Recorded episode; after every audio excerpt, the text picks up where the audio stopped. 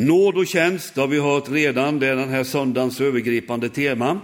Och det är värt att lägga märke till ordningen på de här orden. Nåd och tjänst. Det står inte tjänst och nåd, utan det står nåd och tjänst. Och den ordningen är viktig, för nåden är liksom grunden, förutsättningen för tjänsten. Vad är nåd? Ja, det har Gun berättat väldigt bra. Och gör man bara en liten sammanfattning så handlar det ju om att i nåden ligger förlåtelsen av Gud. Att vi får vara Guds barn, att vi är fria från skuld, att vi har fått den heliga Ande, att vi har del i löftet om ett evigt hem. Det är nåd. Och det betyder ju gratis, och allt detta får vi gratis av Gud. Och detta kommer före tjänst. Jag kommer tillbaka till det.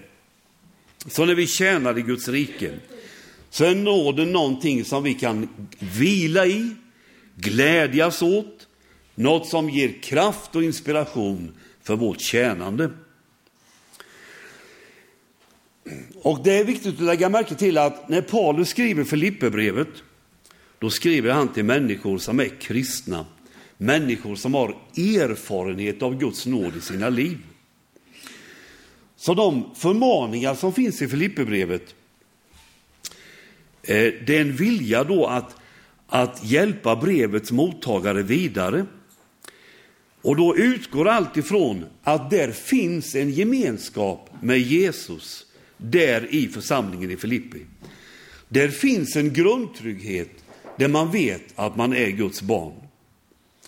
Och då tänker jag och tror att den här grundtryggheten är det viktigt att vi också har i våra liv. Så att det inte blir så här för oss när vi läser i, i Bibeln då, och speciellt Nya Testamentet, om en norm som vi inte lyckas nå upp till. Att vi då inte tänker så här att om man då godkänner Gud inte oss, då vi ställda vid sidan av Gud. Va? Utan vi får tänka så här, att vi är Guds barn. Vi har fått del av hans nåd. Och det är utifrån den positionen som Gud arbetar med oss och vill göra oss mer lika Jesus. Och jag, har, jag kommer tillbaka till det ibland och har för mig det att, att vårt barnaskap hos Gud, att vi är hans barn, det är mycket starkare och säkrare än vi ibland tror. Alltså vi är döpta till Kristus och vi vill tillhöra honom. Och då är vi Guds barn. Och det är bergsäkert. Inte i första hand för att vi tror att det är så, utan för att Guds ord säger att det är så. Och den grunden kan vi hålla oss till. I Vetlanda fanns det en kvinna som sa så här. Det vore väl dåligt, en dålig frälsning, sa hon, om den inte håller att falla på. Det vore väl dåligt, sa hon. Ja, frälsningen är säker. Och att vi är Guds barn är säkert. Och detta är utgångspunkten, liksom, och kraften i våra liv. Det andra, vinst, förlust och vinst igen. Paulus som har skrivit detta då, han gjorde i sitt liv en radikal erfarenhet av Guds nåd och av Kristus. Han skriver i början av vår text att han har haft sånt i sitt liv som han räknade som vinst. Vad är det för något som är på Paulus pluskonto? Jo, det skriver han precis innan vår text börjar. Då lyfter han liksom fram de här grejerna, att han var o, eh, omskuren. Och omskärelsen var ett förbundstecken som gjorde Paulus till äkta jude och medlem av Guds folk. Han lyfte fram att han var Benjamins stam. Och så lyfter han fram att han var oklanderlig. Det fanns inget att anklaga honom för när det gällde att leva rätt efter Mose lag. Så det var inga dåliga grejer som Paulus hade på sitt pluskonto. Men så mötte han Jesus och hela hans liv fick en helt ny inriktning. Allt det som hade varit plus som hade varit vinsten i hans liv, det förlorade sitt värde.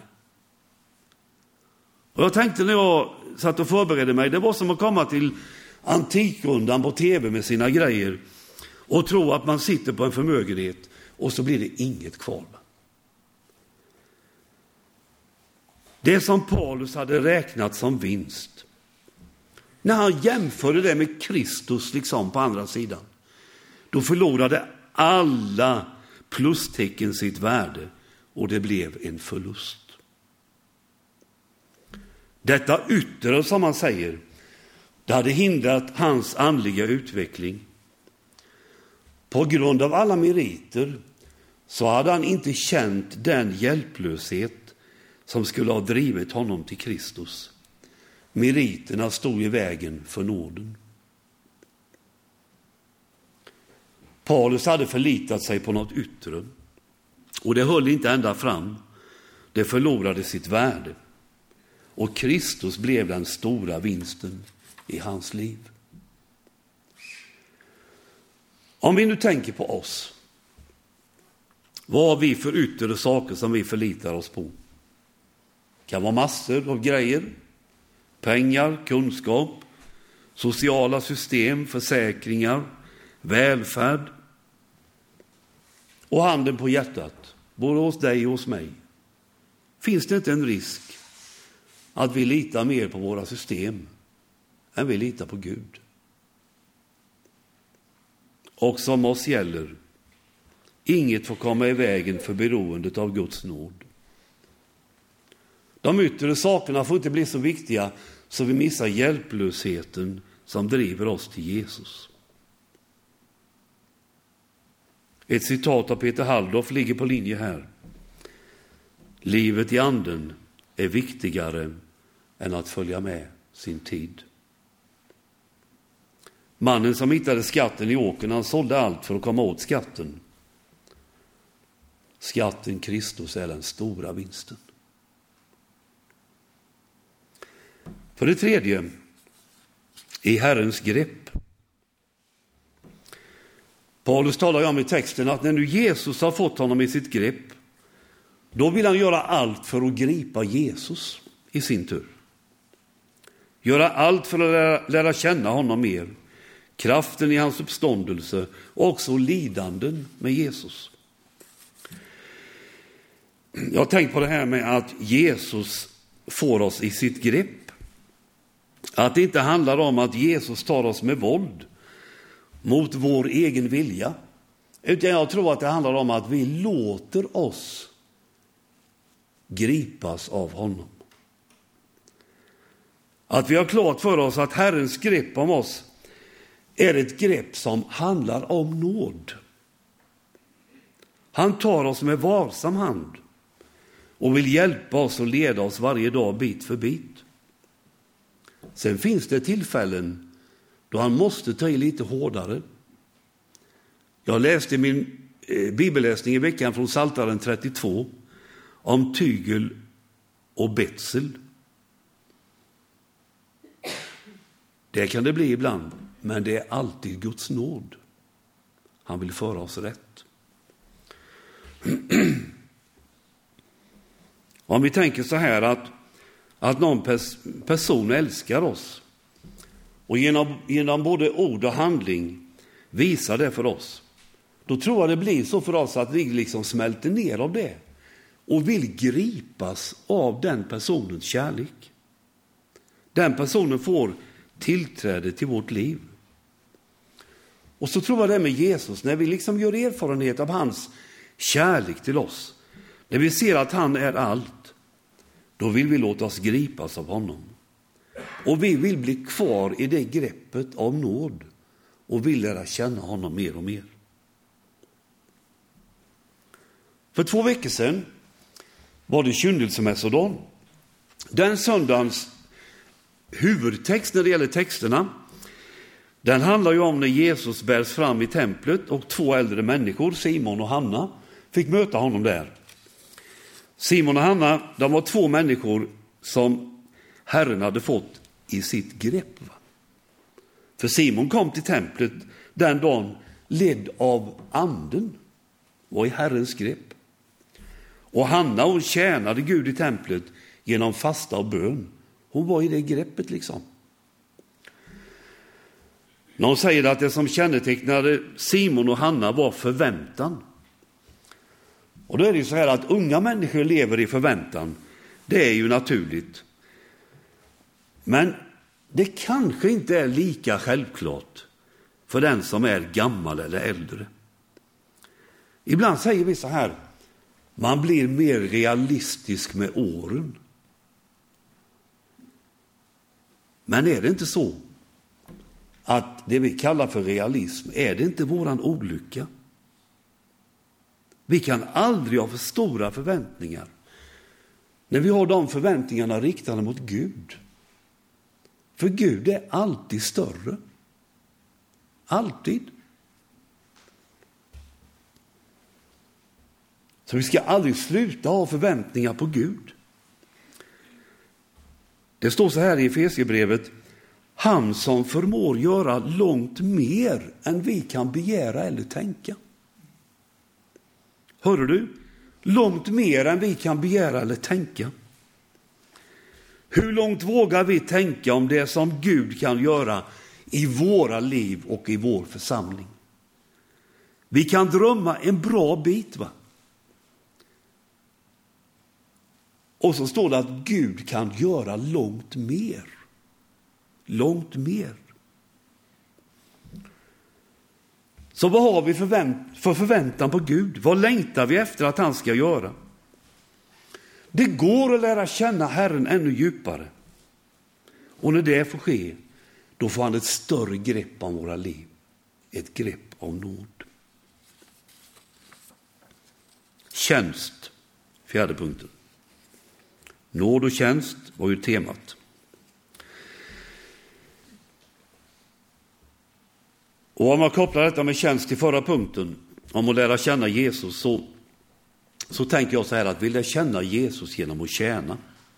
Hans grepp om oss blir fastare när vi tjänar honom. Vi lär ju känna Jesus på en mängd olika sätt naturligtvis, genom bön och bibel och gudstjänst och nattvard och så vidare. Men låt oss ta detta med tjänst nu, att vi lär känna honom på det sättet. Och jag tänker att det på ett sätt är så enkelt. Att när vi försöker leva som Gud vill, försöker, vi lyckas inte fullt ut, men när vi försöker leva som Gud vill, som lärjungar till Jesus, det är då vi lär känna honom. Om vi återgår till Simon och Hanna i templet, så var det ett utmärkande drag för dem att de tjänade. Hanna tjänade dag och natt i templet med fasta och bön. Och Simon, han kallar sig själv för Herrens tjänare. Och det var när de tjänade som de fick möta Jesus där i helgedomen.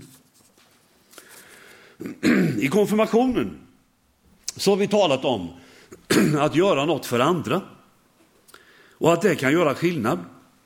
Och när vi höll på att tala om det så var det en tjej i konfagruppen där som ställde just frågan, vad kan jag göra så att det gör skillnad för andra? Och när vi försökte svara på den frågan så sa vi, det är viktigt att inte tänka för stort, utan börja i det lilla, i det som är nära, i det som inte ser så mycket ut. Och så skickade vi med Moder Teresas ord om att göra små saker med stor kärlek. Och jag vill bara stryka under det, att när vi ska göra, när vi ska tjäna, så handlar det om det lilla. Det handlar om det lilla. Och då ska vi tänka så här, att hans eget rike börjar i det lilla. Guds rike, säger Jesus, det är som ett senapskorn. Och om jag skulle lägga det här framme, ett senapskorn, så skulle du inte se det. Så litet börjar Guds rike. Men det växer. Och om det är så med Guds rike, då måste vi också lita på att det vi gör i tjänst för Gud, det lilla vi gör, att det, det är värdefullt och det händer någonting med det lilla. Och så är det så här att tjäna, det har ju med min nästa att göra. Och då tror jag så här att när vi tänker på vår nästa, då tänker vi på för många ibland, tror jag.